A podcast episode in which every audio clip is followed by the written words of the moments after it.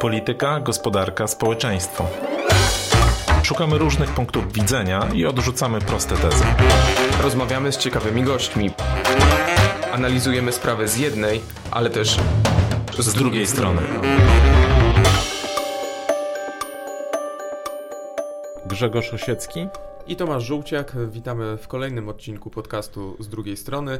E, dzisiaj e, w pierwszej części gość, e, pani profesor Monika Stanny, dyrektor Instytutu Rozwoju Wsi i Rolnictwa, Polska Akademia Nauk. Dzień dobry. Dzień dobry panom. A porozmawiamy o trzech bardzo istotnych ostatnio kwestiach, to znaczy o zbożu z Ukrainy, jego wpływie na polskie rolnictwo i w ogóle o sytuacji na polskiej wsi. Na początek chcieliśmy zapytać, na ile w tej chwili zboże z Ukrainy to jest poważny problem. E, mieliśmy porozumienie rządu z rolnikami, to zboże ma być stopniowo wypycha, wypychane. Możemy się spodziewać, że jego import będzie wstrzymany, e, ale ono już wpłynęło i jakby e, co z tego wynika? No z tego wynika to, że mamy faktycznie ukraińskie zboże w Polsce. E, dlaczego mamy w Polsce? Dlatego, że jest najbliżej i wiadomo, koszty transportu są tak duże, że przewoźnicy czy, czy pośrednicy, którzy zajmowali się transportem zboża, chcieli jak najbliżej to, to, to, to zboże zostawić, dlatego e, Polska została, jakby była tutaj na, na jakby pierwszym odbiorem. E, to jest zboże przede wszystkim ukraińskich agroholdingów, o tym trzeba pamiętać. To nie jest zboże ukraińskich rolników. Więc wydaje mi się, że gdyby to faktycznie było zboże ukraińskich rolników, to mm, po pierwsze mogłoby być lepszej jakości, po drugie byłoby go mniej, e, po trzecie ta solidarność rolników polskich, ukraińskich e, i wyrozumiałość mogłaby być dużo większa. A jeszcze dodatkowo, y, co z tego wynika, y, że nasze magazyny, silosy są tym zbożem wypełnione i protest bierze się z tego, że polscy rolnicy nie mają y, jakby komu sprzedać, bo ceny są niskie. Oczywiście te ceny są dzisiaj niskie, bo wcześniej i tak były niższe ceny na, na rynkach giełdowych to, to wszystkie firmy od razu podglądają, tak, na Reutersie, jakie są ceny, jakie są y, ceny giełdowe i, y, i, i najpierw właściwie spadły te ceny mm, zbóż, a dopiero później zaczął się ten problem, y, jakby rolnicy zaczęli alarmować, że te ceny zbóż są bardzo niskie u nas w Polsce. Mając to... też pretensje do ministra Kowalczyka swego tak. czasu, który odradzał sprzedaż w zeszłym roku zboża, mhm. uważając, że te ceny zostaną podbite. Ale to jest problem na, na nie wiem, tygodnie, miesiące czy na lata, no bo e, u nas będą żniwa za kilka miesięcy, więc czy coś z tym zbożem można szybko zrobić, czy raczej jakby to jest takie duże zaburzenie rynku, którego skutki będą długofalowe? Ja myślę, że to jest problem e, i krótko i długookresowy e, i musimy się do niego przygotować. To znaczy się interwencyjnie oczywiście trzeba no, to zboże gdzieś wypchnąć, to zboże, które jest w polskich magazynach, e, żeby zrobić miejsce dla zboża polskiego. E, zboże polskie jest y, wyższych standardów, wyższej jakości, bo to nam y, normuje Unia Europejska. Zboże, które wpłynęło z Ukrainy, nie było badane. Ono nie ma takich standardów, bo, bo tam no, nie, nie ma takich norm unijnych przecież. E, I to jest w sumie dziwne, tak, że ta Unia Europejska nasza, że się zgodziła na to, żeby to zboże bez standardów wpłynęło. No ale było chyba w takim przymusie moralnym, tak? No bo ono tak. się wzięło stąd, że Rosja zablokowała szlaki czarnomorskie i nagle nagle się okazywało, sama kradła ukraińskie zboże i je tak. sprzedawała, a Ukraińcy nie mieli okazji. Tylko tak? nikt chyba nie przewidział, że to będzie zalegać w takich ilościach w Polsce, y, zamiast trafiać na przykład do Afryki. Oczywiście, no, na początku mówiono, że y, te korytarze transportowe będą. Y, my w zeszłym roku, pod koniec czerwca, mając na stażu naukowców z Ukraińskiej Akademii Nauk, którzy współpracują z, z takim stowarzyszeniem rolników, największym stowarzyszeniem rolników, które zrzesza około chyba dwóch milionów rolników Ukrainie. To jest oczywiście nieformalne stowarzyszenie, bo w Ukrainie nie ma związków rolniczych, tak jak u nas są w Polsce. Spotkaliśmy się, nawet byliśmy, nawet poprosiliśmy mm, przewodniczącego y, zespołu przy prezydencie, przy Narodowej Radzie Rozwoju pana byłego ministra Ardanowskiego, aby zorganizował takie posiedzenie Rady, na którym właśnie ci rolnicy ukraińscy i naukowcy przedstawili tą sytuację w Ukrainie i alarmowali, że mają dużo zboża jeszcze z zeszłego sezonu i chcą je sprzedać. E, I wówczas te spotkania były, na te spotkania mm, przychodziły i, i te spotkania były zarówno w mm, Belwederze, czyli tam, gdzie, u, u, można powiedzieć, u prezydenta, jak i również w naszym instytucie. E, I była strona Ministerstwa Spraw Zagranicznych i była strona Ministerstwa Rolnictwa.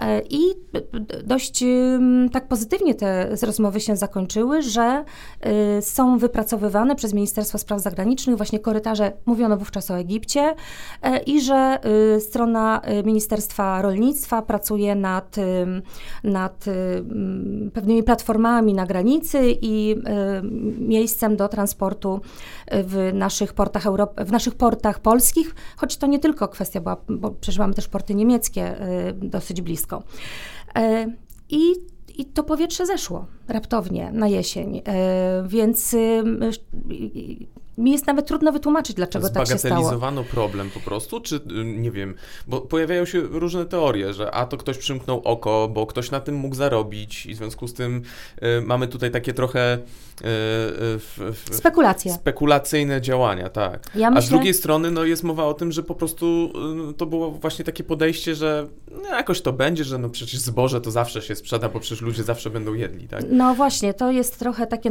podejście chyba naszego rządu, jak trochę do uchodźców z Ukrainy. Społeczeństwo zajęło się uchodźcami i jakby rząd nie musiał podejmować żadnych działań, więc rolnicy czy tam firmy zajęłyby się zbożem i rząd nie musiałby rozwiązywać problemu. On otóż nie, dlatego że no jakby rolnicy są grupą zawodową i dosyć specyficzną, polscy rolnicy, w ogóle rolnicy, dosyć specyficzną grupą zawodową, dla których rolnictwo jest pewnym stylem życia. To nie jest tylko taki zawód, y, który wykonuje się od godziny, nie wiem, 7-15, y, tylko to jest po prostu styl życia i dla nich w tej chwili niemożność sprzedania zboża to jest y, no, brak środków do dalszej produkcji rolnej i do życia jednocześnie. A ta sytuacja jest groźna z punktu widzenia żniw tegorocznych? I jest groźna, dlatego że rolnicy mają w tej chwili zboże u siebie mm, i nie mają gdzie go sprzedać, bo ceny są tak niskie, że y, to są ceny poniżej kosztów produkcji. Więc gdyby sprzedali to zboże, no to właściwie popadają w spiralę y, no, to jakby no, niedofinansowania, niemożności y, działalności swojej, działalności gospodarczej. Notabene, nie wiem czy słuchacze wiedzą, ale rolnicy w Polsce nie są przedsiębiorcami. E, nie są przedsiębiorcami w, tak statystycznie. E, jest to właściwie ewenement na skalę Unii Europejskiej, że no, no, no, nie, nie ma czegoś takiego jak przedsiębiorca rolny w statystyce. E, więc gdybyście Państwo chcieli poszukać definicji rolnika, to, to, to, to nie ma liczby rolników w statystyce polskiej. Oczywiście Unia Europejska teraz narzuciła raz z, wraz z nowym kaplanem, czyli wspólną wspólną polityką rolną definicję producenta rolnego. My już taką definicję też w naszych badaniach stosowaliśmy, aktywnego producenta rolnego, czyli takiego, który produkuje na rynek. I zwróćcie Państwo uwagę, y, panowie, szczególnie właśnie tutaj rozmawiając o tym, gdzie rolnicy te, te strajkują, gdzie? Na Pomorzu, na Pomorzu Zachodnim, gdzie są, są największe, dokładnie, tam są największe gospodarstwa rolne, czyli tam są y, właściwie rolnicy, y, bo mm, nie wiem, czy tutaj kolejny wątek mogę zacząć, ale y, to jest istotne, y, jak, jaka to jest grupa zawodowa, która strajkuje? Ilu jest tych rolników? Mogę na to pytanie no, odpowiedzieć? No, ilu? Trochę śmiesznie, bo sama sobie je zadałam. Ale ym, mamy w Polsce, ym, wydaje mi się, że ta, y, tych rolników aktywnych zawodowo, i to również z różnych badań wynika, bo także nie ma takiej statystyki, jest od 300 do 450 tysięcy. Mhm. E, natomiast y, beneficjentów płatności bezpośrednich jest milion trzysta.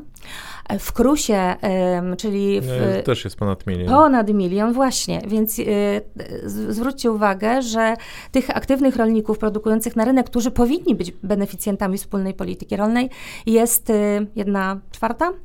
E, jedna trzecia może i pozostała grupa zawodowa, pozostała grupa pseudozawodowa, bo to są albo mali rolnicy, no to właściwie traktują wspólną politykę rolną jako właściwie mm, politykę socjalną. E, I no tak i często samo, pracują gdzie indziej, tak? E, Mają oczywiście, tu... tak. Posiadanie ziemi, e, utrzymywanie jej w dobrej kulturze rolnej, czyli właściwie koszenie, powoduje, że już się kwalifikują do dopłat unijnych. Natomiast producenci rolni są gdzie? Są głównie na tak zwanych ziemiach zachodnich i północnych Polski, czyli tam, gdzie były państwowe gospodarstwa rolne, gdzie ten zasób ziemi był na tyle duży, że można było tworzyć tam duże gospodarstwa Ale to bo, to, bo to nas za chwilę powiedzie do takiego wątku trochę politycznego, ale zanim jakby przejdziemy do niego, to chciałem chciałem pod, zapytać, to co w takim razie powinno się zrobić w tej chwili, żeby ten problem załatwić? No bo jeżeli mamy pełne magazyny, e, jest próba skupu interwencyjnego, ale czy jakby państwo będzie na to stać, albo czy logistycznie też będziemy w stanie ten problem rozwiązać? E, tak, więc jeżeli chodzi o logistykę, to słyszymy w mediach, że y, minister Telus y, obiecuje, mm, nawołując oczywiście do współpracy wszystkich, y, żeby ten problem rozwiązać. No o tym mówi, mówiło się już rok temu, o tym, tak? Więc to jest od roku mówienie. Ja trochę się też w sumie dziwię rolnikom, że oni y, tak późno y, zaczęli intensywnie naciskać na rząd, bo przecież mogli to zrobić y, dużo wcześniej. No, myślę, że wynika to z tego, że łudzili się, że ten, że ten mm, problem zostanie rozwiązany, bo jednak e, mm, ten rząd no, jakby kojarzony był ze wsparciem tak, tego sektora, rol, sektora rolnego. Natomiast co, co zrobić? No, mm, na pewno najlepiej by było i, i, i to jest tak zwane, tak zwane rozwiązanie optymalne, najbardziej korzystne, y, stworzyć korytarze transportowe i to zboże wywieźć, ale jego jest bardzo dużo. Mówi się, że powierzchnia magazynowa y, Polski y, to jest około 9-10 milionów ton. No wiemy, że wpłynęło 2 miliony co najmniej. Oj, co najmniej. Nikt tego nie wie. Może być 2, może być 3, może być 5, może być 10. Nawet. Dlaczego nikt tego nie wie? Jak to się stało? Przecież no bo... to miało być kontrolowane, e, miała być sprawdzana jakość. No właśnie, mm. o tym nikt nie mówił, że tak miało być. Tak naprawdę to yy, znaczy mówiono, tak, znaczy, że... Wszyscy sobie dośpiewali, tak? Właśnie, że, że ym, no, Unia Europejska, ym, no właśnie podchodząc tak y, humanitarnie i bratersko i solidarnościowo, otworzyła granicę na, na rynek, y, swój rynek na y, produkty, produkcję ukraińską. No i jak otworzyła, no to to zaczęło wjeżdżać. To, to co od, no, od na początku mówiłam. I faktycznie ja właściwie to dziwię się, bo gdyby, my, y, gdyby do mojego, y, nie wiem, gospodarstwa y, miał napłynąć jakiś produkt, no to przede wszystkim byłabym, jakby mając odpowiedzialność za, za, za ten obszar, no byłabym bardzo zainteresowana przede wszystkim ile tego będzie, na ile to wpłynie na stabilność rynku polskiego, jakiej jakości będzie, gdzie ono będzie. E, no, no, ja nie mówię o kontrolowaniu tego zboża, o monitorowaniu. To jest jednak różnica. No oczywiście ministerstwo zabezpiecza się tutaj sformułowaniami typu, że no przecież Unia Europejska, to nie mogliśmy żadnych kaucji pobierać, bo, y, bo to, te, tego nam nie wolno robić. No, y, wydaje mi się, że można było wypracować y, nawet z Unią Europejską, tym bardziej, że mamy przecież w Unii Europejskiej komisarza, który jest komisarzem polskim do spraw rolnictwa. I ta współpraca jakby ludzi z jednego rządu powinna być, powinna być dużo większa. Y, zapytał się pan redaktor y, na jakby długookresowo y, i, i, i, i co dalej. No więc sprzedaż tego zboża, czyli otworzenie korytarzy transportowych. Ale komu sprzedać? Trzeba najpierw pozyskać kontrahentów. Tu faktycznie Ministerstwo Spraw Zagranicznych musi się włączyć, żeby, żeby tych kontrahentów pozyskać. Na już, bo za 3-4 miesiące. Za dwa miesiące, za trzy miesiące będziemy już mieli rzepak, później dalsze zboża, więc, więc jakby to, to, to już trzeba realizować. Ja myślę, że ostatecznie to to może trochę takie pobożne życzenie jest, ale że Unia Europejska się włączy i pomoże, albo skupi to zboże w celach humanitarnych od nas, ale to wszystko zależy od tego, na ile będzie umiał się komisarz jakby wywrzeć wpływ na pozostałych komisarzy europejskich, dlatego że to też trzeba wziąć pod uwagę, że w Komisji Europejskiej kwestie rolne to nie jest y, języczek uwagi, taki bym powiedziała bardzo istotny. Jednak rolnictwo poprzez fakt, że jest bardzo wspierane przez wspólną politykę rolną, czyli tak naprawdę dopłacamy do tego, żeby mniej produkować, um, utrzymując tą, no, pewne, pewne relacje, pewne struktury um, agrarne, produkcyjne, żeby produkować też lepszej jakości Y, to, y, to nie jest główny, y, główny wiodący temat w Unii Europejskiej. Unia Europejska, jak widać, zajmuje się wyzwaniami klimatycznymi, demograficznymi. To są jakby długookresowo myśli, nie tak krótkookresowo. A mhm. jak pan, to żeby zakończyć ten wątek i przejść do tego politycznego, to jeszcze jedno pytanie mam odnośnie tej jakości, bo no teraz dojrzewa nam kolejna dyskusja wynikająca z tego mm, problemu, że to nie tylko zalega, ale że to, co już poszło w obieg, co zostało e, no, przetworzone przez polskie młyny, no, że jest A, podłej jakości, B, zawiera jakieś pestycydy, robaki. Wręcz trujące, tak? Takie e, są sugestie. I, I że tak naprawdę no, w takim czarnym scenariuszu, który, który gdzieś już zaczyna krążyć, przynajmniej w świecie polityki, mówi się o tym, że już na stołach wielkanocnych mogliśmy mieć wyroby właśnie z tej mąki.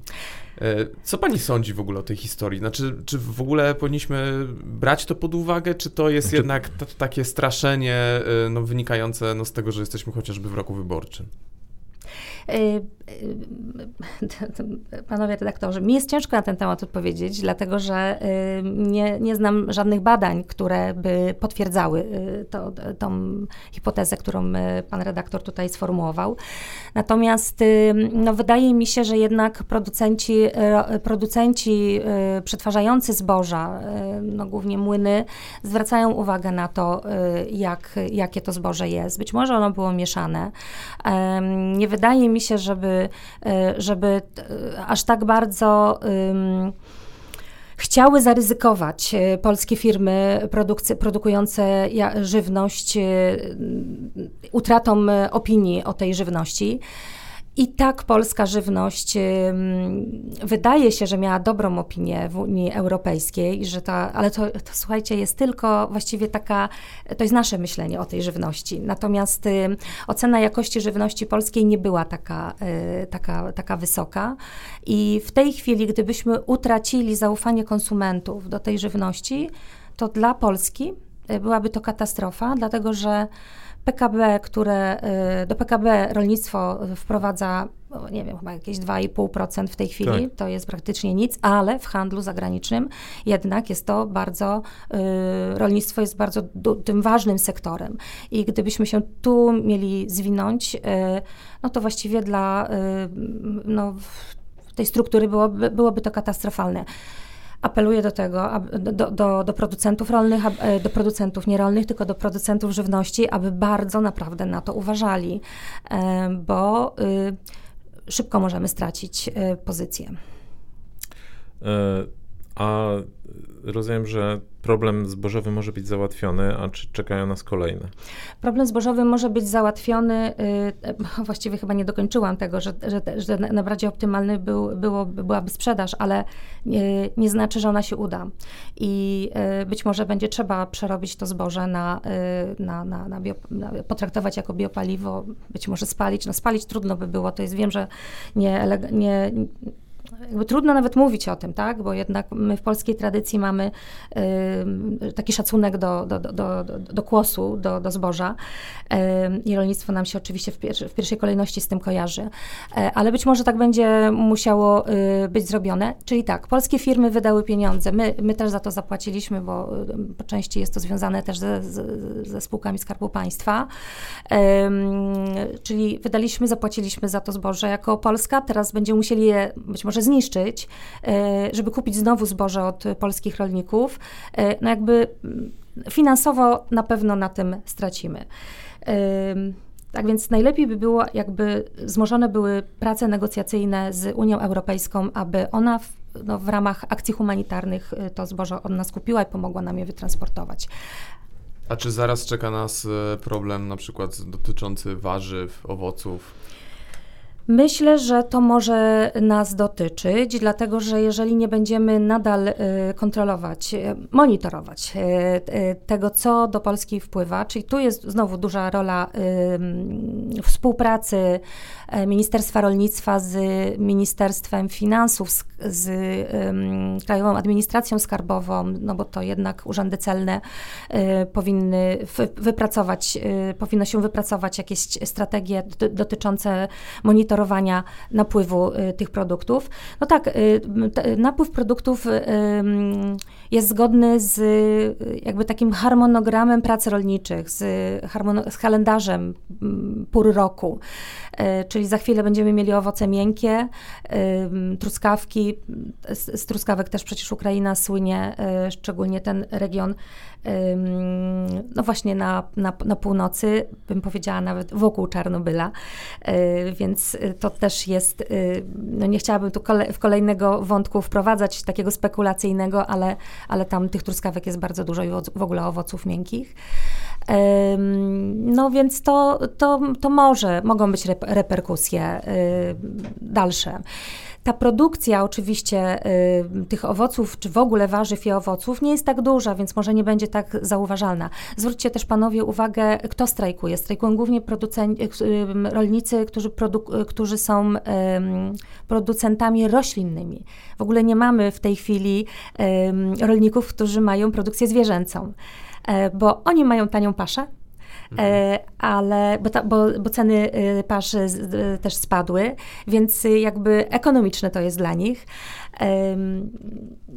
Więc y, no więc nie, nie dołączyli się do, do, do, do strajku rolników roślinnych. Natomiast pytanie, jaka to jest pasza? I skoro krowa ją zje, czy, czy, czy, czy, czy trzoda, czy, czy drób, no to na ile to wpłynie później na jakość no to e, wiem, że pan nie jest politologiem, ale chcemy podpytać też o konsekwencje jakieś polityczne tego, bo e, widać, z jednej strony widać, że rząd jakby no, wziął się na poważnie, czego efektem jest tak przynajmniej dymisja e, dotychczasowego ministra rolnictwa, znaczy wizerunkowo przynajmniej ten problem postanowił załatwić. Mm, czynione są różne inne starania. A z drugiej strony słychać, e, no zresztą o tym tutaj mówiliśmy, tak, że grupa tych rolników, którzy są poszkodowani bezpośrednio, no to jest 400, mhm. tak, 450 tysięcy maksymalnie. A jeżeli chodzi o wyborców na wsi, to mamy ich ponad tam e, prawie 12 milionów, tak? Mhm. Czyli to jest no, nie, niewielki procent. E, czy faktycznie jest się czego bać z punktu widzenia rządzących? E, podobało mi się to pana stwierdzenie na początku, że rząd się wziął na poważnie. Ja myślę, że jakby się wziął na poważnie, to by się wziął rok temu. To jest... Z pewnym opóźnieniem. Tak, właśnie. To jest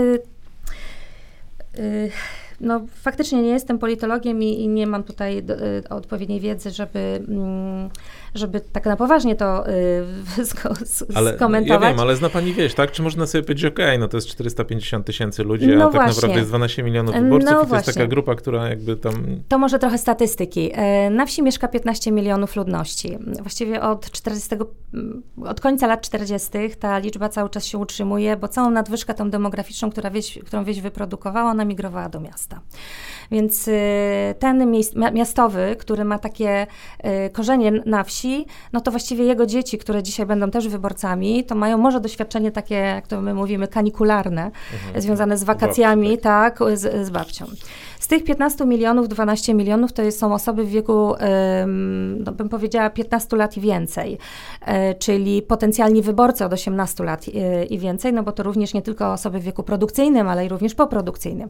No i te osoby w wieku poprodukcyjnym są szczególnym e, jakby obszarem zainteresowań jako targetem wyborczym Prawa i Sprawiedliwości.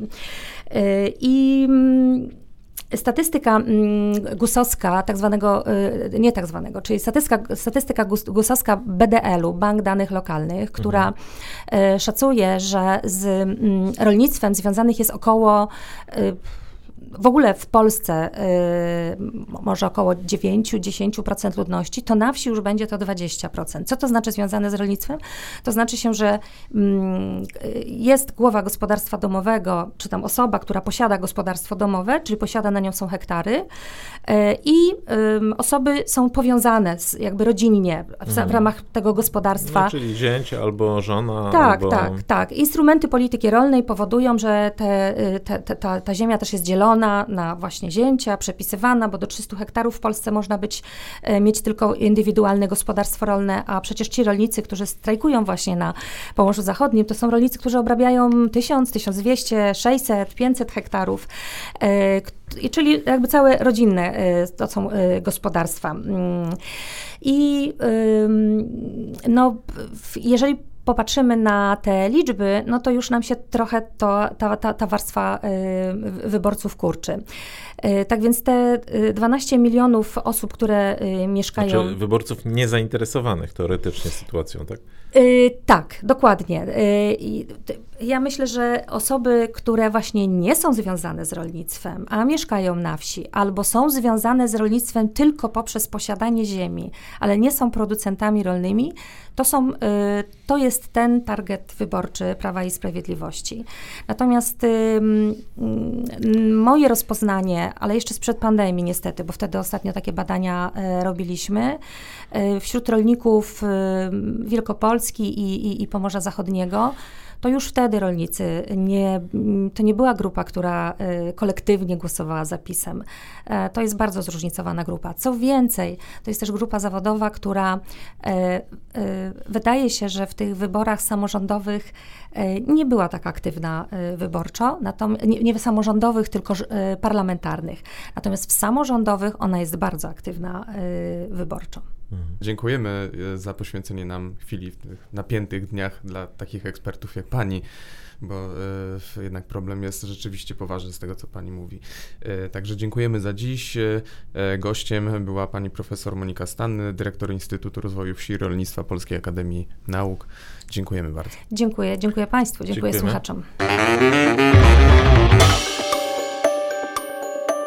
A w drugiej części porozmawiamy o tym, co dzieje się w kampanii, a może nawet lepiej powiedzieć, co dzieje się średnio, bo wprawdzie widzimy objazdy mm, e, polityków po Polsce, ale mm, jakby to powiedzieć, widać też taki lekki spadek tempa. Mieliśmy dosyć intensywny moment jeszcze kilka tygodni temu, kiedy partie ogłaszały własne pomysły. E, w tej chwili e, widać, że kampania ograniczyła się do tych występów e, w różnych częściach Polski. Kontynuuje je Platforma Obywatelska, e, także inne ugrupowania, prowadzi także PiS, więc można powiedzieć, że skończyła się taka kampanijna uwertura, a w tej chwili zaczynają się już takie robocze przygotowania do kampanii wyborczej. No i one będą też dotyczyły list, prawda?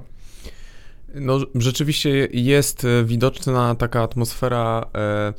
No, na zasadzie spróbujmy się policzyć, spróbujmy policzyć, co, co mamy w naszych sakiewkach, ile brakuje, czy może trzeba zaciągnąć kredyt, czy może sobie poradzimy e, naszymi zasobami, które mamy na ten moment, plus e, trochę żwawiej będziemy ściągać składki e, od członków partyjnych, więc to, to, to są te dylematy, którymi aktualnie żyją, mam wrażenie, ugrupowania. I rzeczywiście jest tak, jak mówisz, że nikt nie czuje teraz potrzeby wy, wyskakiwania z jakąś kolejną spektakularną propozycją, żeby, jak rozumiem, nie doprowadzić do inflacji pomysłów, e, w którym, czy doprowadzenia do momentu, w którym te pomysły przestaną na nas robić wrażenie. I tak się zachowuje na przykład Platforma Obywatelska w tej chwili, to znaczy ona e, uważa, że tam jest takie przekonanie, że na razie wrzucili na agendę temat babciowego, temat e, kredytu 0% Y, ale to musi chwilę jeszcze sobie pokrążyć, żeby, y, żeby zakorzenić się w naszej y, świadomości nas jako wyborców. Z kolei PiS e, wrzucił tych sołtysów e, i w tej chwili ta ustawa jest e, w Sejmie. PiS wrzucił, i to jest kolejne rozwiązanie, kredyt 2%.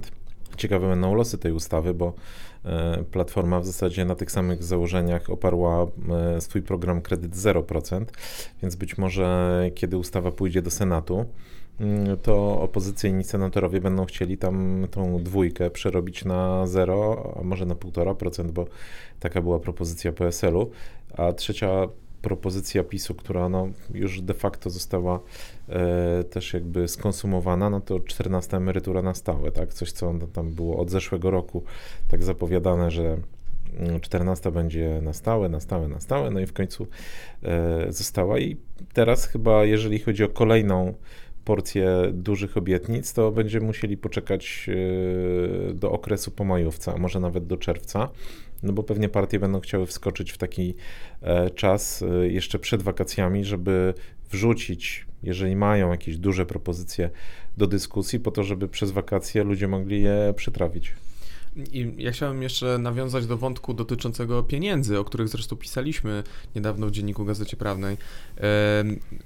Widać właśnie tę skalę potencjalnej dysproporcji, jeżeli chodzi o e, takie finansowe resursy pomiędzy e, stroną rządzącą a szeroko pojętą opozycją, e, bo jednak opozycja, no, sztuką będzie, sztuką będzie to, żeby dobić do, tych, do tych kampanijnych limitów, które są wyliczane według kodeksu wyborczego.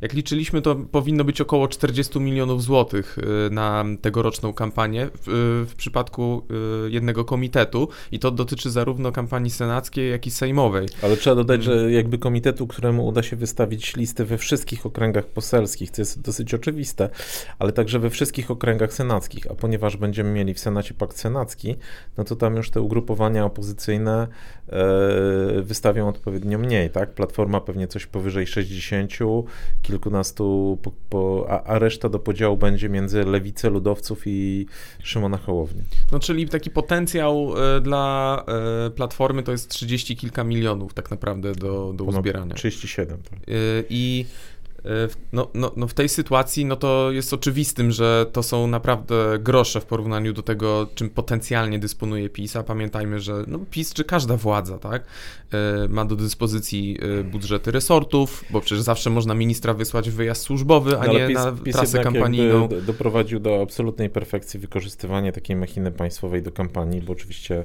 faktycznie no, w każdym, poprzednie rządy też korzystały z tego narzędzia, no ale tu też opisywaliśmy Fundusz Rozwoju Regionalnego, który może być jakimś kolejnym kampanijnym wehikułem do finansowania na przykład eventów, tak, które oficjalnie będą jakimiś eventami opowiadającymi o E, nie wiem, działalności rządu, jakichś pozytywach dla rozwoju gospodarczego, faktycznie będą e, takim miejscem, gdzie będą mogli pokazać się politycy czy członkowie rządu startujący w kampanii, nie naruszając zasad finansowania kampanii wyborczej. Zresztą myślę, że PKW to może mieć ból głowy z tymi niektórymi wydatkami i to, co jest słabością pewnie jakby polskiego ustroju wyborczego, to jest to, że no, mm, mamy taki formalny podział niby na kampanię wyborczą, gdzie są te limity.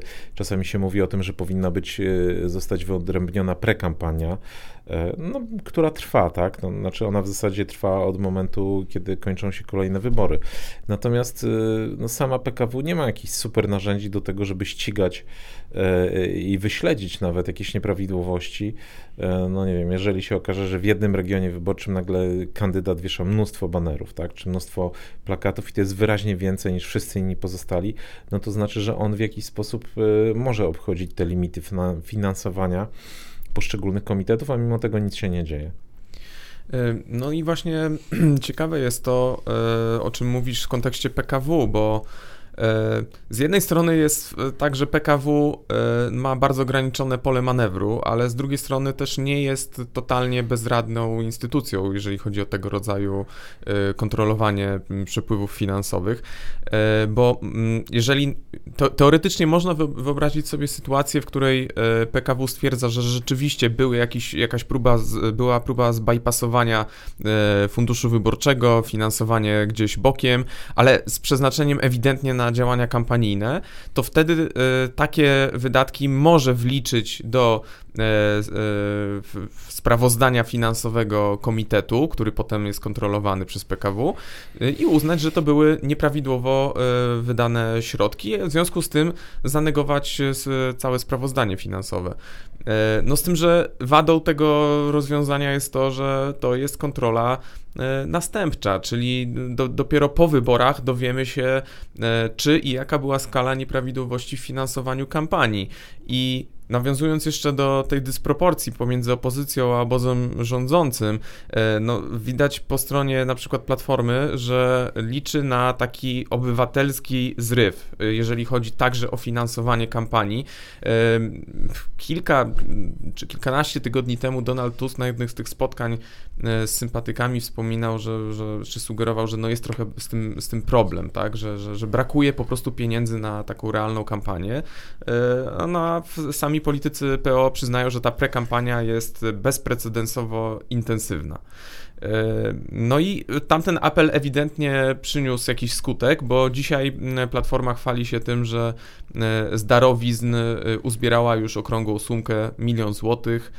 E, no, ale w dalszym ciągu to jest milion złotych, który rozpłynie się bardzo szybko, jeżeli chodzi o wydatki. No tak, tak, bo to jest milion złotych przy na przykład dwóch, ponad dwóch miliardach, które poszły na media publiczne, które generalnie są pasem transmisyjnym obozu rządzącego i, i, gdzie opozycja jest kwiatkiem do kożucha, jeżeli występuje, to na ogół występuje w jakiejś roli negatywnej.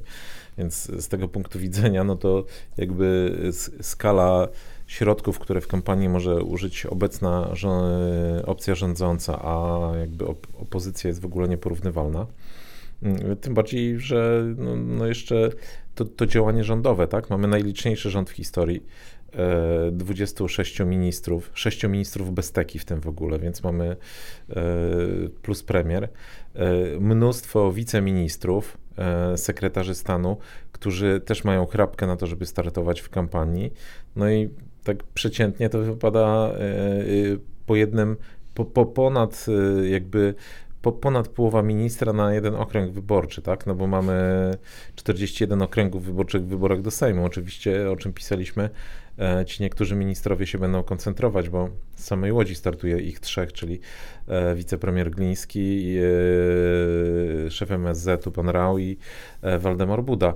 No ale jakby to, to też będzie skala rażenia większa PiSu dzięki temu, że dygnitarz e, podjedzie służbową limuzyną i bardzo często będzie mógł, no, przemawiał z autorytetem rządu. I przy okazji będzie sypane konfetti sfinansowane z Funduszu Rozwoju Regionalnego, o którym wspomniałeś. Ale to może dość o pieniądzach, a porozmawiajmy jeszcze sekundę o listach, bo e, to nie będzie, proszę Państwa, dyskusja o tym, gdzie jest jedna lista, tylko e, spróbujmy e, złapać klimat, w jakim jest po, świętach opozycja, bo do świąt no to nastąpiło takie wyciszenie, trochę takie przeświadczenie zapanowało, że no dobra, wstrzymajmy te rozmowy, może sobie coś przemyślimy. No to widoczne było szczególnie e, w tym sojuszu e, PSL-u z Polską 2050, gdzie e, mogliśmy przeczytać takie przekazy. To Gazeta Wyborcza opisywała, że te rozmowy zostały przerwane E, no i to wzbudziło pewną konsternację, jak to interpretować, czy to znaczy, że zostały zerwane, czy może jednak w związku potem, z tym, że idą święta, to tak, nie warto się okazało, że zostały przerwane, bo akurat wypadła Wielkanoc, tak się złożyło. Pewnie nie wiem, czy dużo osób się spodziewało, że Kośniak-Kamysz będzie z Chłownią rozmawiał przy Wielkanocnym stole o tym, jak będą wyglądały listy wyborcze, ale z naszych rozmów z politykami mm, opozycji wynika, że w zasadzie, jeżeli chodzi o akurat te rozmowy, to ich finisz jest bliski i y, pewnie jakieś pierwsze y, efekty tego porozumienia możemy wkrótce poznać. Nie wiem, czy nazwiska, bo to pewnie jeszcze trochę potrwa. Generalnie jednak jak rozmawiamy jakby z opozycją, to widać, mm, że Platforma też pracuje nad swoimi listami. E, tam też trwają te przygotowania, więc jakby mm, zaczęły się już takie organizacyjne przygotowania do wyborów, tak? No, wynikające też z tego, że ci ludzie muszą wiedzieć, czy startują, gdzie startują yy, i w jakim ugrupowaniu by było najlepiej wiedzieć, gdyby startowali, ale rozumiem, że to, to może być akurat wtórne, no ale skąd, gdzie, kto ma startować, no to mm, powinni wiedzieć, tym bardziej, że w PiSie mm, wiele osób wie, e, co widać po kolędzie e, części członków rządu do poszczególnych okręgów wyborczych, to bije po oczach że na przykład e, minister Niedzielski jeździ w okolice Piły, a z kolei, z kolei na przykład szef Rządowego Centrum Analiz profesor Maliszewski bywa gościem w Olsztynie. Zresztą bywa tam gościem także Olga Semeniuk. E, tu jeszcze a propos e, list Platformy, e, to tutaj też jest ciekawa sytuacja, bo z jednej strony no to jest proces, który powinien iść jakoś równolegle, czy być sprzężony z kwestią ustalania paktu senackiego, kwestią tego, czy, czy jedna lista, dwie, trzy listy opozycji do Sejmu, bo to też generuje właśnie te przepływy, o których mówiłeś, kto gdzie startuje i no tutaj jest na razie, jak rozumiem, komplikacja, y, która powstrzymuje y, platformę z ogłaszaniem czegokolwiek. Y, mam tutaj na myśli jakichś konkretnych pierwszych nazwisk, ale z drugiej strony czuć taką rosnącą presję wśród działaczy, jak rozmawialiśmy z nimi na przestrzeni ostatnich dni, no że no że jednak fajnie byłoby już wiedzieć mniej więcej, kto startuje, że może ujawnijmy y, pierwszą piątkę na przykład z listy, pokażmy jak będzie działał ten suwak, czyli kobieta, mężczyzna, kobieta, mężczyzna. Mm. Tylko problem jest taki, o którym mówiłem wcześniej, że po pierwsze trzeba to jeszcze, trzeba jeszcze wziąć pod uwagę inne procesy, które dzieją się gdzieś równolegle, a po drugie, no trzeba też sobie pomyśleć, jaki timing jest najlepszy, no bo to pierwsze wrażenie ma do siebie to, że się e, robi je tylko raz. No bo tu jest jeszcze jedna rzecz. Jednak docelowo nie można wykluczyć, chociaż ta jedna lista jest trochę takim jednorożcem w tej chwili, to jednak mimo wszystko nie można jej e, wykluczyć. A druga rzecz, no że teoretycznie prawdopodobne jest także inne rozwiązanie, czyli y, wspólna lista z PSL-em i Szymonem Hołownią. Tego też nie możemy wykluczyć. I te układanki, które się dzieją w tej chwili na linii PSL y, Hołownia, i te samodzielne prace platformy, no gdzieś tam mogą zaowocować teoretycznie także wspólną listą. Więc to są jakieś uwarunkowania, które powodują, że jakby to ma swoje, ten proces ma swoje tempo i swoją logikę, którą będziemy musieli śledzić w kolejnych tygodniach. I na pewno będziemy to śledzić, gwarantujemy to, będziemy o tym pisać i mówić w podcaście z drugiej strony. E, za dzisiejszy odcinek bardzo dziękujemy e, i zapraszamy do kolejnych odcinków. E, Tomasz Żółciak, Grzegorz Osiecki.